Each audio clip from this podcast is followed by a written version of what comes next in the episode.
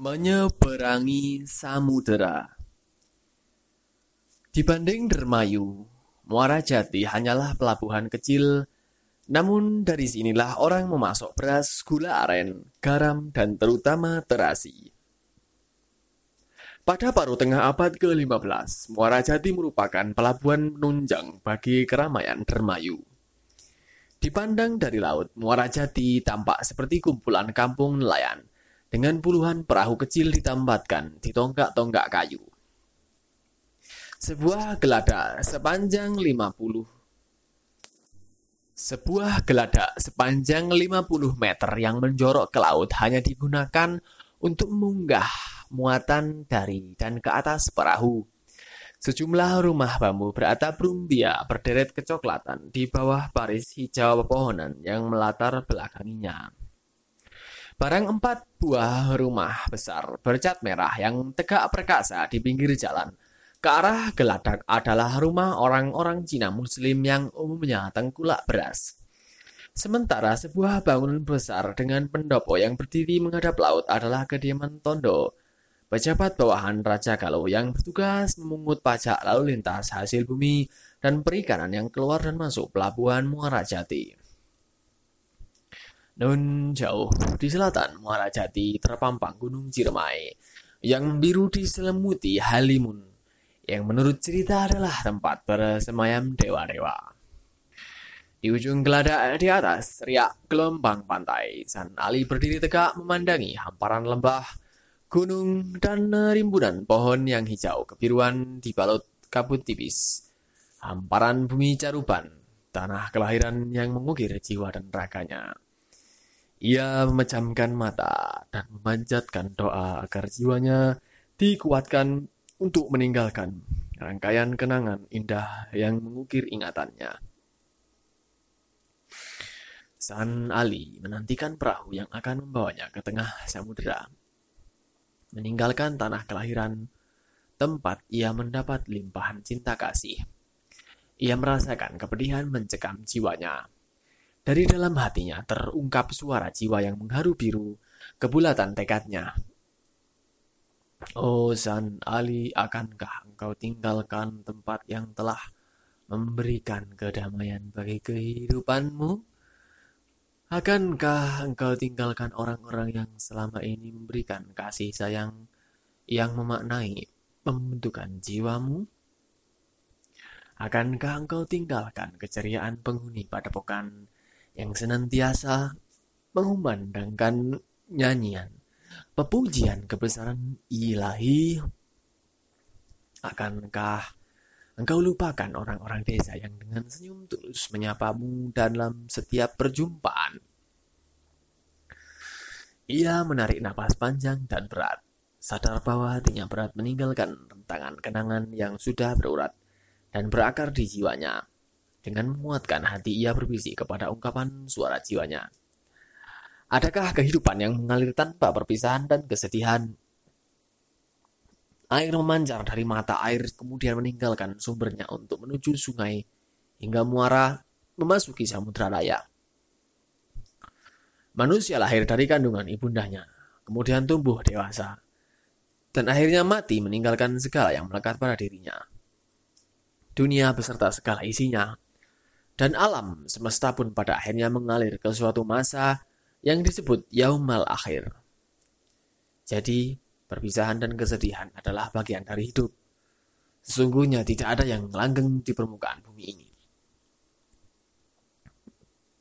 Dengarkanlah, wahai suara hatiku. Aku seperti juga engkau memiliki kenangan dengan kehidupan di caruban yang indah yang membentang di kaki gunung Ciremai yang dilingkari ombak samudera, yang diwarnai gemericik air sungai dan kicau burung, menyambut mentari pagi. Namun, wahai suara hatiku, ketahuilah bahwa segala keindahan itu telah berubah menjadi terali bagi akuku. Karena aku sekarang bagai Raja Wali terkungkung dalam sangkar besi yang selalu merana setiap kali melihat burung lain terbang di angkasa merakuk kebebasan jiwa dengan membentangkan sayap kehidupan. Ketika San Ali bersedang bergulat dengan suara jiwanya, perahu yang bakal membawanya pergi dari bumi Caruban datang. Pemilik perahu itu bernama Tahrimah. Laki-laki setengah umur dengan tubuh tegap dan otot-otot tangan kukuh. Wajahnya yang keras menunjukkan bahwa dia adalah orang yang tabah melintasi kerasnya kehidupan. Sorot matanya yang berbinar-binar menunjukkan betapa teguh laki-laki itu memegang prinsip. Sementara kulitnya yang coklat kehitaman terbakar sinar matahari mencerminkan semangat hidup yang tak luntur terkena hujan dan tak lekang terkena panas. Setelah cukup lama menunggu reaksi San Ali, Tahrimah menanyakan tujuan perjalanannya meninggalkan Muara Jati. Apakah yang mulia San Ali putraku Caruban akan menuju pelabuhan Kalapa atau hanya Dermayu? Engkau lebih tahu akan tujuanku, oh paman. Karena pemegang kemudi perahu ini adalah engkau. Apalah arti maksud dan tujuanku ucapkan jika di tengah laut engkau nantinya akan menenggelamkan perahumu. Dengan menumpang perahumu, oh paman, sudah kubulatkan tekadku untuk mengorbankan diriku dalam mencapai tujuanku yang sejati. Ujar San Ali tegas. Tidak adakah syak di hati yang mulia? Tahrimah menguji. Sudah aku bulatkan tekadku, seperti ucapkan takbir saat ku mulai sembahyang menghadap dia, ujar San Ali mantap. Jika demikian, naiklah, oh anak, ke atas perahuku. Ingatlah, ingatlah selalu, selalu. Selama perjalanan di laut, jangan sekali-kali anak melakukan perbuatan lain yang membahayakan perahu ini. Dan berdoalah agar kita selamat melintasi lautan yang kadang-kadang mengamuk. San Ali tersenyum dan menganggukkan kepala. Tahrimah ternyata memiliki pengetahuan luas tentang kehidupan. Ketika masih muda, dia pernah menjadi awak kapal dagang yang mengarungi tujuh samudera dan menyinggahi berbagai pelabuhan besar tempat kapal-kapal dari berbagai negeri berlabuh. Kini setelah usia makin menua, dia hanya menjadi pengemudi perahu yang khusus mengantarkan orang-orang tertentu ke tujuan yang dikehendaki. San Ali sangat terkesan mendengar kisah hidup Tahrimah. Ia bertanya banyak hal tentang berbagai peristiwa yang sedang dialaminya saat ini. Bagaimanakah perasaan paman saat pertama kali berlayar meninggalkan tanah kelahiran tercinta? Semula berat dan menyedihkan, oh anak, kata Tahrimah. Tetapi bersama menggelindingnya waktu, kusadari bahwa menjadi kewajiban mendasar bagi kita untuk meninggalkan segala sesuatu yang sebenarnya bukan milik kita. Maksud paman? Tanya San Ali. Sebelumnya aku sempat berpikir bahwa bumi caruban, anak, istri, rumah, orang tua, sahabat, guru, dan segala apa yang kucintai adalah milikku. Pada akhirnya aku sadari bahwa semua itu bukan milikku. Pada akhirnya aku sadari bahwa semua itu bukan apa-apaku, apalagi milikku. Tubuh dan jiwaku pun pada hakikatnya bukanlah milikku. Kalau begitu paman adalah seorang zahid, ujar Hasan Ali.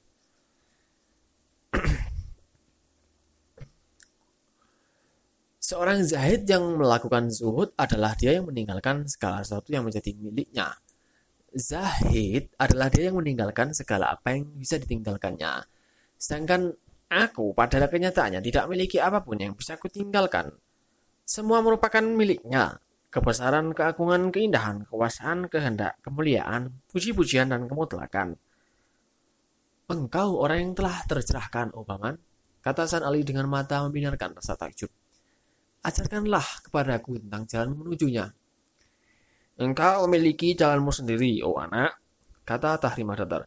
Jalan yang telah kau lalui akan berbeda dengan jalan yang harus engkau lalui. Itu aku tahu, Paman, San Ali memohon. Namun berikanlah kepadaku barang satu atau dua patah nasihat yang akan kujadikan bekal perjalananku. Jika itu keinginanmu, aku akan memberimu dua nasihat yang boleh kau ikuti dan boleh pula kau abaikan. Saya akan berjuang menjalankan nasihatmu, oh paman. Pertama, lakukan tobat. Yani engkau harus berpaling dari segala sesuatu kecuali Allah. Maksudnya, jika sebelum ini engkau pernah berbalik darinya, maka sekarang engkau wajib menghadapkan jiwa dan pikiranmu hanya kepadanya. Kedua, lakukan zikir. Yakni ingatlah selalu Allah jika engkau lupa. Maksudnya, jika engkau selalu berusaha dalam keadaan melupakan segala sesuatu yang bukan Allah, maka saat itulah engkau mengingat Allah.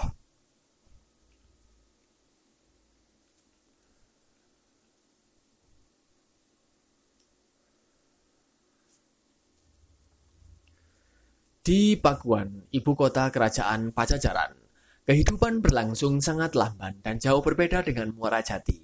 Apalagi dibandingkan Dermayu yang hingar-bingar dipenuhi kesibukan. Satu-satunya tempat orang terlihat lalu lalang hanya di dermaga Kedung Halang. Tempat perahu hilir mudik dari dan ke pelabuhan Kalapa. Di situ tak henti-hentinya orang mengangkat barang-barang dengan pikulan, gerobak, dan pedati yang ditarik kerbau. Selebihnya, hampir di seluruh sudut kota Raja Pakuan dilintasi orang-orang yang akan pergi ke pura dan sanggar Pamujan. Hampir setiap tepian jalan terlihat anjing, bertubuh kurus duduk atau tiduran menikmati hangat matahari. San Ali yang mengenakan jubah dan surban putih sebagai petanda bahwa ia pemeluk Islam. Sejak menginjakkan kaki di pelabuhan Kalapa sudah menjadi perhatian orang. Ketika ia menuju kota raja Pakuan dengan perahu yang melewati Ciliwung, orang makin memandangnya dengan penuh curiga. Hanya bekal surat pengantar dari Ki Samadullah yang membuatnya lolos dari pos-pos pemeriksaan keamanan. Sesuai pesan Ki Samadullah, San Ali harus menemui Sam Sitauratah, seorang risi yang memiliki asrama bagi para brahmana muda pencari kebenaran. Menurut Ki Samadullah, hanya Risi Sam Sitaurata di telatah pajajaran ini yang mampu mengupas hakikat kitab Catur Vipala, warisan Prabu Kertawijaya Maharaja Majapahit. Ki Samadullah sendiri sejauh ini membahas kitab itu bersama Ki dan Usela hanya sebatas pada penafsiran demi penafsiran yang belum tentu benar pada tataran penerapannya. Ketika San Ali mendekati pintu asrama, tampaklah seorang tua dengan hanya mengenakan cawat melintasi di hadapannya. Sekalipun renta dan kurus kering, ada semacam kekuatan goib melingkupinya. Meski hanya berjawat, orang merasakan getaran kuat setiap kali memandangnya. Setelah berdiam sejurus dengan suara penuh bahwa orang tua yang ternyata Risi Sam Sitaurata itu berkata, Apakah yang kau cari, oh anak muda? Hingga kau menyeret tubuhmu ke sini. Ku cari hakikat aku agar kutemukan aku sebagai sumberku, jawab San Ali. Bagaimana engkau menemukan aku jika engkau masih mengaku? Kepadamulah, oh yang tercerahkan, ku harap pelajaran menuju aku, kata San Ali sambil mengeluarkan kitab frontal catur kipala karena ku dengar hanya Andika yang tercerahkan yang mampu menguak kitab ini. Lepaskan jubah dan sorbanmu. Lepaskan segala milikmu. Tanpa perjuangan keras mengosongkan diri dari keakuan. Jangan harap engkau bisa menangkap inti sari kitab catur vipala dan mencapai tujuanmu. San Ali tercekat mendengar permintaan Risi Samsitauratah Bagaimana mungkin ia melepaskan jubah dan zurbannya untuk kemudian bercawat seperti orang tua di hadapannya itu? Apakah maksud melepaskan segala miliknya? Berarti melepas segala atribut keislaman dengan meninggalkan sembahyang dan hukum syarak. Apakah pengosongan diri menjadi syarat mutlak bagi perjuangan menuju aku? Tanpa dapat dicegah, benak San Ali dijejali oleh kilasan bayangan api neraka yang berkobar-kobar menelan dirinya manakala ia meninggalkan jubah dan surban dan hukum syara. Namun secepat itu di benaknya terbayang tentang perjalanan mencari hakikat aku sebagai pangkal segala aku. Mengapa aku harus takut terhadap aku neraka? Bukankah aku neraka juga seperti aku yaitu berasal dari aku semesta? Risi Samsita Uratah tampaknya menangkap keraguan Sanali. Dengan acuh-acuh dia berkata seolah kepada dirinya sendiri akal dan pikiran, keakuan, keinginan-keinginan, bentuk-bentuk, status, identitas diri, dan keanekaragaman citra diri adalah tirai yang memisahkan aku dari aku. Sebab semua itu masih mengaku, belum aku yang sesungguhnya. Karena itu, cupuh, surpon, mahkota, keragaman adalah tirai yang wajib dibuka jika kita ingin menyatu dengannya. Akhirnya, tanpa banyak bicara, San Ali melepas jubah dan surbannya. Kemudian dengan hanya bercawat, ia bergabung dengan para Brahmin yang tinggal di asrama. Kehadiran San Ali di lingkungan Brahmin mendapat perhatian serius dari Rishi Samsitaurata. Ini setidaknya terlihat dari kehendak Rishi Samsitaurata memberikan pelajaran khusus bagi San Ali, terutama dalam kaitan dengan kitab frontal Catur Vipala. Mula-mula Rishi Samsitaurata menjelaskan urutan-urutan Vipala yang berjumlah empat, yaitu Nispraha, Nirbana, Niskala, Nirasraya. Ketahuilah bahwa yang dimaksud nispra adalah keadaan di mana tidak ada lagi sesuatu yang ingin dicapai manusia. Risi Samsitaurata menguraikan. Nirvana berarti seseorang tidak memiliki badan dan karenanya tidak ada lagi tujuan. Niskala adalah bersatu dengan dia yang hampa, yang tak terbayangkan, tak terpikirkan, tak terbandingkan. Dalam keadaan itulah aku menyatu dengan aku. Dan kesudahan dari niskala adalah niras raya, yakni keadaan di mana jiwa meninggalkan niskala dan melebur ke para malaukika, yakni dimensi tertinggi yang bebas dari segala bentuk keadaan, tak mempunyai ciri-ciri dan mengatasi aku.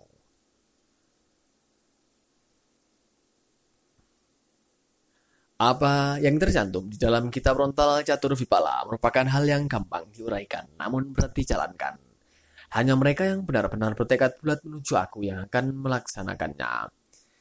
Demikianlah seperti Brahmin yang lain, San Ali melakukan latihan ruhani dengan ketat menuju Catur Vipala. Ia berpuasa selama berhari-hari. Seluruh waktunya dilewati dengan latihan meniadakan diri dan samadhi. Daging mulai menyusut dari pipinya Kelopak matanya cekung, rambut awut-awutan. Bayangan aneh mulai sering merasuki impiannya. Bahkan di tengah terik matahari ia membiarkan tubuhnya terpanggang oleh kesakitan dan kehausan. Semuanya untuk menghilangkan keakuan di dalam dirinya. San Ali dibimbing langsung oleh Rishi Samsitaurata dalam melatih samadhi dan pengingkaran diri. Ia juga diajarkan bagaimana harus meniadakan diri dan berlatih menyatukan keakuan dirinya dengan alam sekitar, dengan pohon, kayu, batu, air, hewan, ikan, burung, bahkan awan. Dalam tempo singkat, ia dapat mengingkari keakuan dirinya untuk menyatu dengan keakuan alam sekitarnya. Rishi Samsita Prata mengajarkan pula bagaimana seorang Brahmin tidur dengan mula-mula mengatur pernapasan dan menutup kelopak mata hingga berangsur-angsur seluruh jiwanya padam. Jika jiwa telah padam, begitu yang catur vipala, maka orang akan tidur tanpa mimpi dan tanpa perasaan. Sebaliknya orang yang tidak memahami ajaran itu akan terperangkap ke dalam cakra bawo, terseret oleh mimpi-mimpi dan ikauan di dalam tidur. Mereka yang terperangkap ke dalam cakra bawo dengan sendirinya akan jatuh ke neraka. Berbagai latihan jiwa telah dilakukan San Ali, baik puasa, samadhi, memilih makanan dan minuman yang baik, tidur hingga yoga. Dengan bimbingan langsung dari Rishi Samsitaurata, ia mengalami kemajuan pesat terutama dalam perjuangan meniadakan diri. Namun ujung dari semua itu ia merasa betapa setelah keakuan dirinya mengembara ke berbagai perwujudan, pada akhirnya akan kembali lagi pada keakuan diri. San Ali merasa pengembaraan jiwanya itu seperti pelarian diri yang tak diketahui ujungnya. Ia merasa seperti melanglang jagat untuk meninggalkan tubuhnya yang menyembunyikan aku. Namun pelarian itu ternyata hanya sementara waktu. Ia merasa tidak menjadi lebih bijaksana daripada sebelumnya. Ia tidak merasa telah peroleh pencerahan sejati. San Ali tidak sadar bahwa dengan menjalani hidup sebagai Brahmin yang begitu ketat melakukan latihan samadhi dan menolak diri, ia telah telah peroleh kekuatan berbagai kekuatan. Ini baru diketahuinya ketika ia bersama sejumlah Brahmin muda mencari kayu di hutan. Saat itu tanpa diketahui muncul seekor harimau besar yang kelaparan dan siap menerkam salah satu di antara mereka. Para Brahmin yang ketakutan jatuh bangun melarikan diri. San Ali sadar ia tidak sempat lagi menyelamatkan diri. Ia memutuskan untuk memusatkan pikiran dan perasaannya, menolak keakuan dirinya untuk bersembunyi di balik keakuan harimau. Dan sebuah peristiwa adi kodrati terjadi. Harimau itu mendadak tercengang dan kemudian merunduk seolah-olah mengikuti kehendak Hasan Ali. Kemudian seperti hewan jinak dengan gerak lamban dia melangkah mendekat lalu menggesek-gesekkan kepalanya ke tubuh San Ali. Sesudah itu dia membalikkan badan dan pergi. Peristiwa menakjubkan itu dengan segera menyebar di asrama dan menimbulkan iri hati di antara Brahmin yang lebih lama bermukim tetapi belum memiliki kelebihan seperti San Ali. Dalam tempo singkat, ada kasak kusuk yang menyatakan bahwa San Ali adalah telik sandi yang orang-orang Islam yang disebutkan ke asrama dengan tujuan utama menghancurkan kekuatan Pajajaran dari dalam. Peristiwa menakjubkan itu seolah-olah pamer kekuatan dan merupakan tantangan kepada Risi Samsita Wrata. Kasak kusuk terus bergulir. San Ali merasa betapa seluruh penghuni asrama seolah-olah mengamati segala gerak-geriknya dengan penuh curiga. Bagi San Ali, Peristiwa di hutan itu justru telah menyadarkan dirinya bahwa apa yang selama ini dipelajarinya di asrama bukanlah tujuan akhir yang hendak dicapainya. Ia merasa bahwa jalan keselamatan menuju aku akan sulit dijangkau dengan cara yang selama ini dipelajarinya di asrama. Ia menangkap Sasmita bahwa bahwa apa yang dijalankannya dengan latihan-latihan ketat selama ini justru tidak sesuai dengan intisari maknawi dari kitab rontal catur Vipala. Tampaknya gejala pikiran San Ali itu ditangkap oleh Rishi Samsitawrata. Itu sebabnya ketika ia menghadap, guru para Brahmi itu memberikan kitab rontal catur Vipala sambil berkata, Ketahuilah, oh anak muda, bahwa asrama ini hanya persinggahanmu sementara menuju aku. Ada sesuatu di dalam dirimu yang tak gampang ditundukkan oleh sekedar latihan penolakan diri dan samadhi. Jalan yang kau lintasi masih sangat panjang. Karena itu, oh anak muda, pergilah kau mengikuti garis hidupmu seperti air mengikuti aliran sungai. Hanya pesanku, Janganlah kau berbalik arah dan putus asa dalam mencapai tujuan. Ampun seribu ampun, O Guru Agung, San Ali mengibat. Hamba berharap dengan mengikuti jalan Brahmin melalui arahan kitab Catur Vipala, maka kehausan jiwa hamba segera terobati. Namun ternyata tidak, semakin hamba berlatih, semakin kuat kehausan itu mencekik hidup hamba. Jalan kebebasan memang rumit dan berliku-liku. Karena itu, oh anak muda, lihatlah para Brahmin di asrama ini. Mereka yang sudah berusia lanjut pun tidak dijamin meraih kebebasan sempurna. Lantaran itu, oh anak muda, pergilah ke muaramu. Ikuti liku-liku aliran yang membawamu ke samudera raya pembebasan. Semoga engkau dapat meraih tujuan yang mulia itu. Hamba mohon restu, O Guru Agung, San Ali mengatur sembah. Pergilah menuju muaramu, oh jiwa yang dicekam rindu.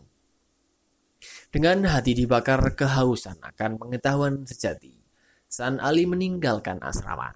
Saat ia melangkahkan kaki meninggalkan pintu beberapa Brahmin muda yang bersamanya, sewaktu di hutan menghadang. Dengan berbagai rayuan mereka menginginkan San Ali bersedia tinggal lebih lama.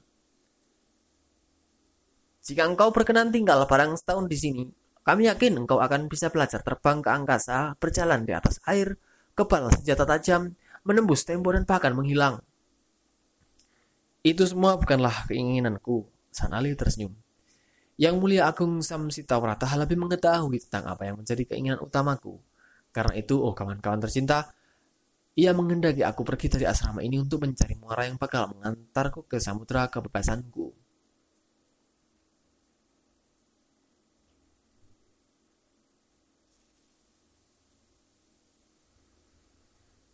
Melalui pelabuhan Kalapa, San Ali memulai pengembaraannya melintasi samudra dengan menumpang cung milik seorang Cina Muslim bernama Haji Nasuha yang bernama asli Tio Buncai.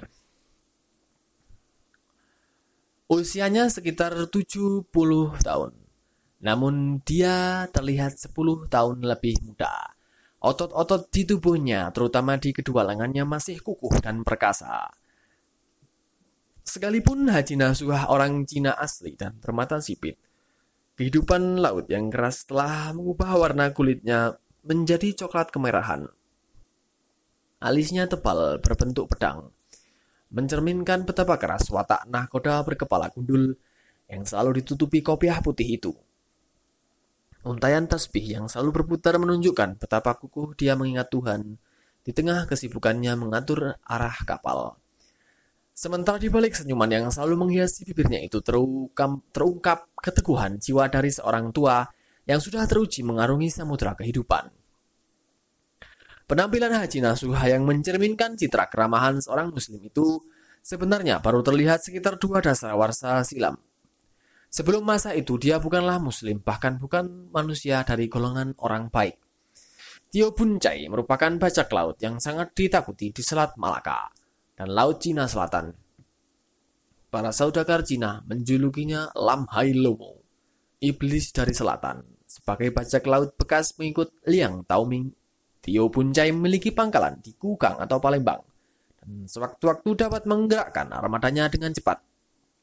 Nama Lam Hai Lomo sebagai bajak laut yang telengas dan tak kenal ampun membuat siapa saja yang melintas Selat Malaka atau Laut Cina Selatan dicekam ketakutan. Roda kehidupan manusia berputar mengikuti takdirnya, kadang di atas, kadang di bawah. Kadang mengubah kedudukan orang dari kaya ke miskin, dari jahat ke baik, dari durhaka ke saleh, dari kejam ke welas asih. Roda kehidupan Tio Buncai pun berubah ketika bertemu Syekh Ibrahim As-Samarkandi yang menjadi tamu Adipati Palembang, Aryu Damar. Pertemuan itu terjadi secara tidak sengaja. Ketika itu kapal yang ditumpangi ulama asal negeri Samarkan itu dirampok oleh Tio Buncai di sekitar kepulauan Anambas. Syekh Ibrahim saat itu sedang dalam perjalanan dari Pandurangga di negeri Campa ke Palembang untuk mengunjungi kemenakan tiri istrinya yang menjadi adipati Palembang. Dalam peristiwa itu, Tio Buncai menyaksikan keajaiban pada diri Syekh Ibrahim. Saat kapal dari Campa itu dikepung, terjadi kepanikan di antara penumpang. Dalam kepanikan itu seorang penumpang anak-anak berusia lima tahun jatuh ke laut dan hilang di telan ombak. Saat itulah seorang penumpang yang kemudian dikenal bernama Syekh Ibrahim As-Samarkandi melompat ke laut. Ajaib, tubuhnya tidak tenggelam. Sebaliknya dengan tenang ia berdiri di atas hamparan air.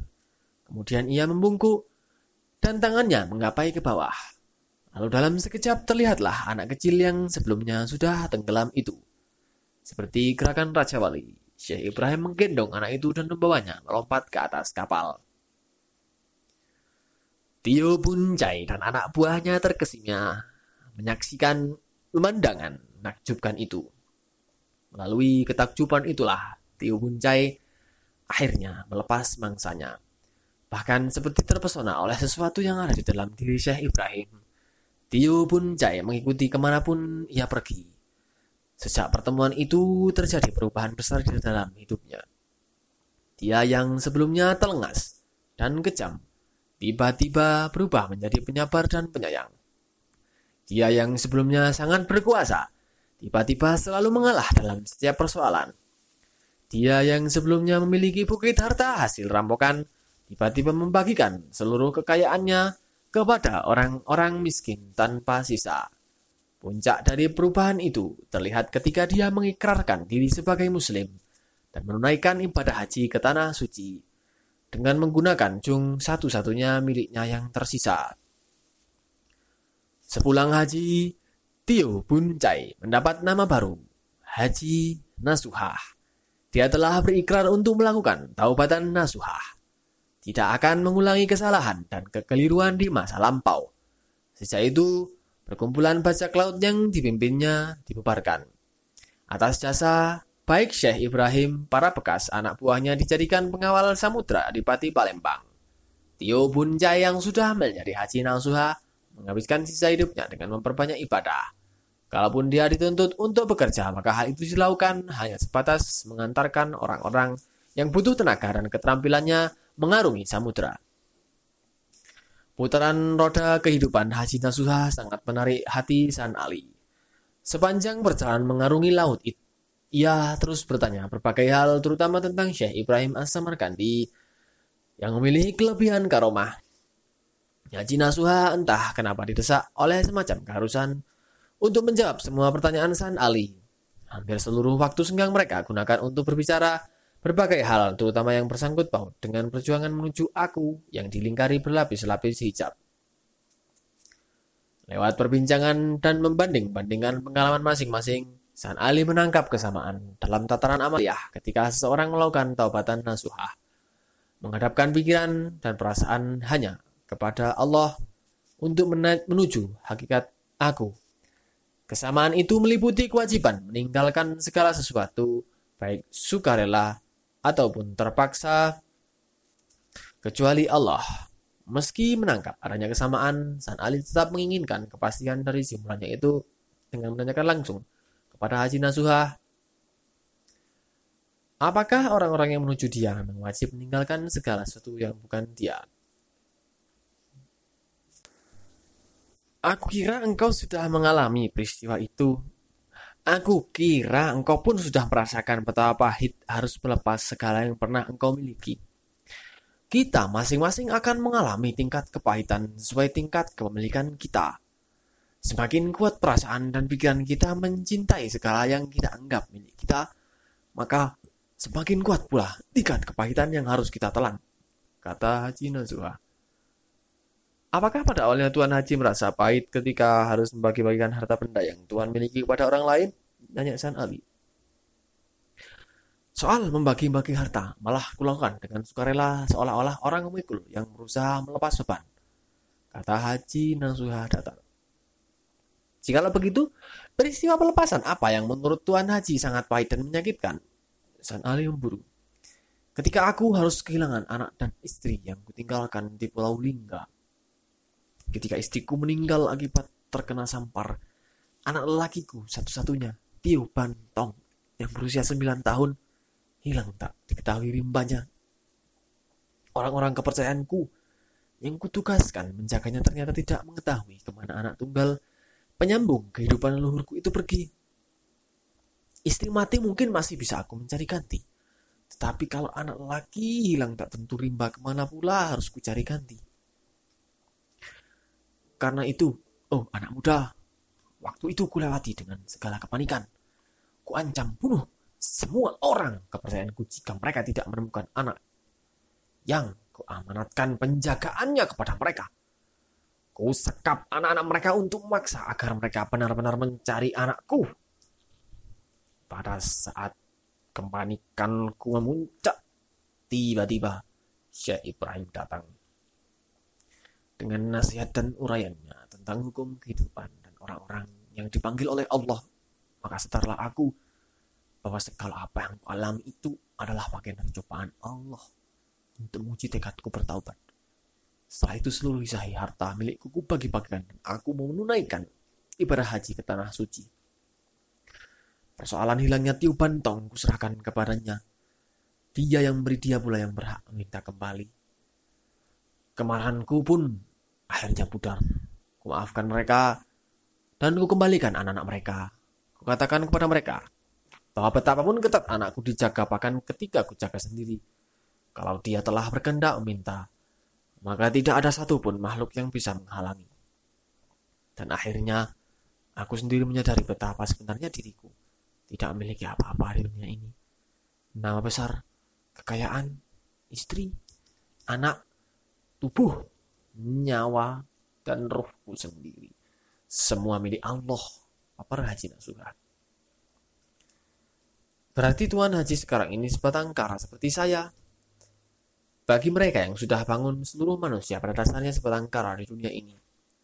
Itu sebabnya bagi mereka yang sudah bangun tidak dikenal kebanggaan atas ras, suku, bunga, marga, keluarga, nama besar, atau apa saja yang bersifat kelompok. Dan bagi mereka yang sudah bangun, menjadi suatu kewajiban untuk menggantungkan kesebatang kalanya kepada dia yang maha tunggal. Dia yang maha sebatang kara yang tidak memiliki istri, anak, keluarga, dan kerabat. Kepada dia jua kita orang-orang sebatang kara ini wajib mengarahkan harapan dan tujuan. Kalau jalan menuju dia harus dilalui dengan meninggalkan segala sesuatu yang berkaitan dengan dunia. Kenapa dia menciptakan dunia? Tanya San Ali. Tidakkah engkau ketahui bahwa dunia ini diciptakan sebagai penjara bagi kita penjara? Sergah Ali heran. Ketahuilah, oh anak muda, bahwa dunia ini adalah tempat luhur kita. Bapak Adam dan Ibu Hawa. Menjalani hukuman setelah melanggar perintah Allah. Jadi hakikat dunia ini sebenarnya adalah penjara bagi Bapak Adam dan Ibu Hawa beserta keturunannya. Seperti mana adunya sendiri yang berarti dekat atau singkat, maka kehidupan di dunia sesungguhnya hanya persinggahan singkat belaka bagi anak cucu Adam dan Hawa yang memikul hukuman di penjara bernama dunia ini. Karena itu bagi mereka yang sudah bangun akan memandang bahwa tidak pantas dan sangat keliru jika manusia sebagai keturunan Adam dan Hawa menjadikan dunia ini sebagai hunian yang menyenangkan apalagi sampai membangun mahligai kekuasaan dan kekayaan turun-temurun, seolah-olah dunia ini hunian abadi. Jika demikian, kenapa kita harus bekerja mencari nafkah? Jika pada akhirnya kita harus menganggap dunia ini penjara yang tidak menyenangkan. Karena tubuh kita adalah bagian dari jasad, madi atau materi. Maka tubuh kita pun membutuhkan makanan dan minuman bersifat madi karena itulah agama mengajarkan agar kita, manusia, keturunan Adam dan Hawa, tidak berlebihan dalam memanfaatkan dunia, apalagi sampai mencintainya. Jelas Haji Nasuha. Ada kisah menarik tentang pemanfaatan dunia yang kuperoleh dari guru agungku Syekh Ibrahim melalui cerita pemburu kera lanjutnya. Sang pemburu tahu bahwa kera sangat suka buah ceri. Ia sangat paham cara berpikir kera. Itu sebabnya ia menempatkan buah-buah ceri ke dalam botol gelas bening yang berleher sempit. Kemudian ia letakkan botol gelas itu di tempat-tempat kera biasanya berkeliaran. Tak lama pemburu melihat seekor kera datang. Kera itu memasukkan tangannya ke dalam botol dan mengambil buah ceri dalam jumlah banyak. Namun kera kemudian sadar bahwa tangannya yang menggenggam buah ceri tidak bisa ditarik keluar. Kera menjerit-jerit panik.